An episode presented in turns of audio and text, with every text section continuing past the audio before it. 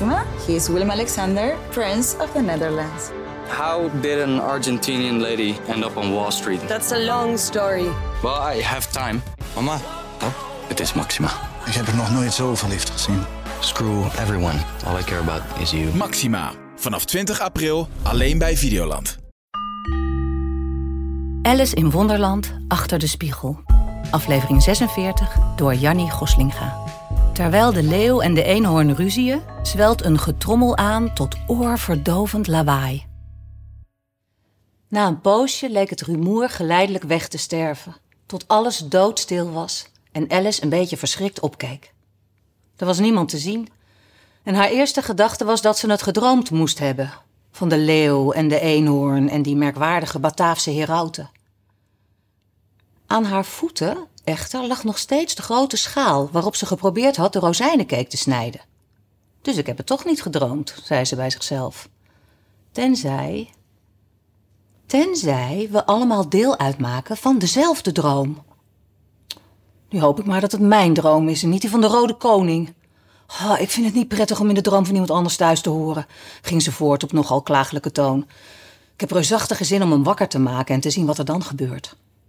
Op dat moment werden haar gedachten onderbroken door een luid geroep van Ahoy, ahoy, schaak!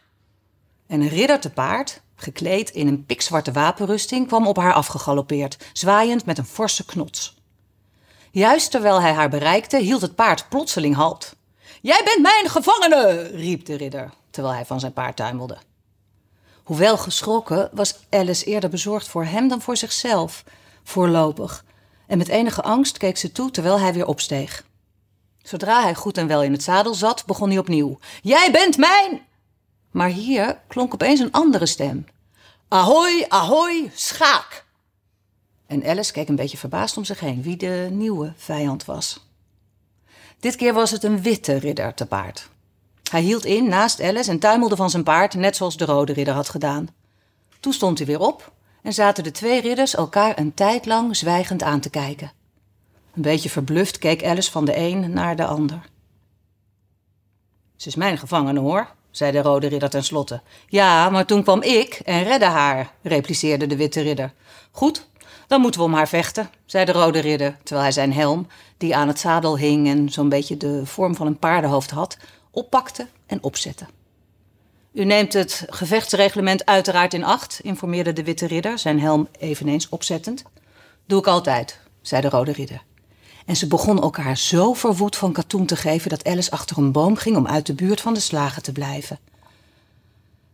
Ik vraag me wel af wat het gevechtsreglement inhoudt, zei ze bij zichzelf, terwijl ze het gevecht angstig glurend vanuit haar schuilplaats gadesloeg.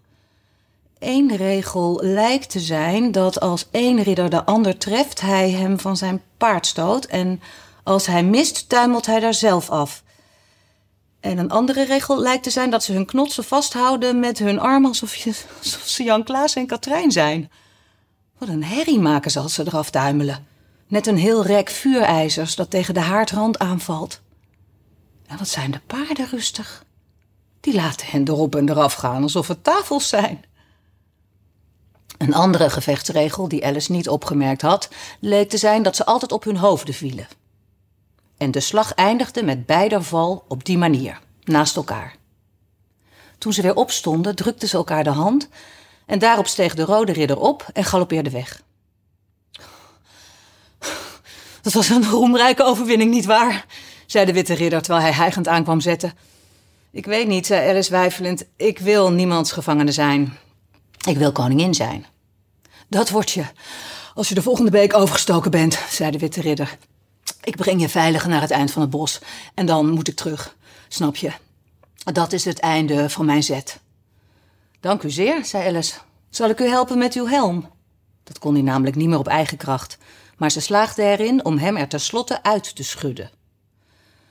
Zo, dat haalt wat makkelijker adem, zei de ridder, terwijl hij zijn warrige haardos met beide handen naar achteren streek en zijn zachte gezicht met grote vriendelijke ogen naar Alice keerde.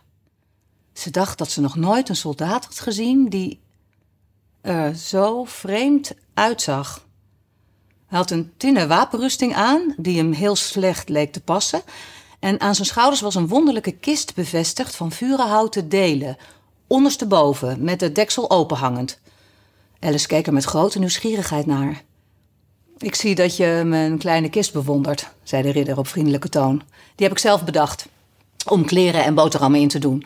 Zoals je ziet draag ik hem ondersteboven, zodat er geen regen in kan komen. Maar zo kunnen de dingen eruit, merkte Alice vriendelijk op. Weet u dat het deksel open is? Eh, dat wist ik niet, zei de ridder, terwijl een zweem van ergernis over zijn gezicht trok. Dan moeten alle dingen eruit gevallen zijn. En zonder heeft de kist geen nut.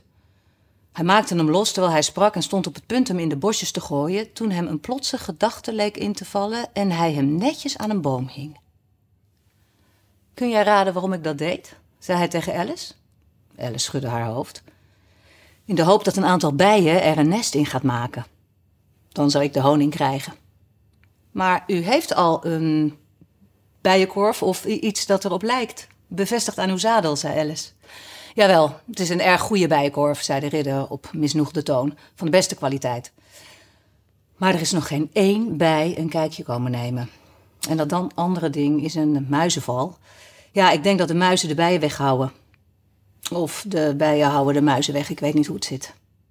Ik begon me net af te vragen waar de muizenval voor was, zei Alice. Erg vaak zal het niet voorkomen dat er muizen zitten op het paard zijn rug. Erg vaak misschien niet, zei de ridder, maar als ze komen, heb ik toch liever niet dat ze daar allemaal rondlopen. Zie je, zei hij na een korte stilte. Je moet toch op alles voorbereid zijn. Daarom heeft het paard al die enkelstukken om zijn voeten. Maar waar zijn die voor? vroeg Alice uiterst verbaasd. Ter bescherming tegen de beten van haaien, gaf de ridder ten antwoord. Het is een bedenksel van mezelf. En nu moet je mij een handje helpen. Ik ga met je mee tot het eind van het bos. Waar is die schaal voor?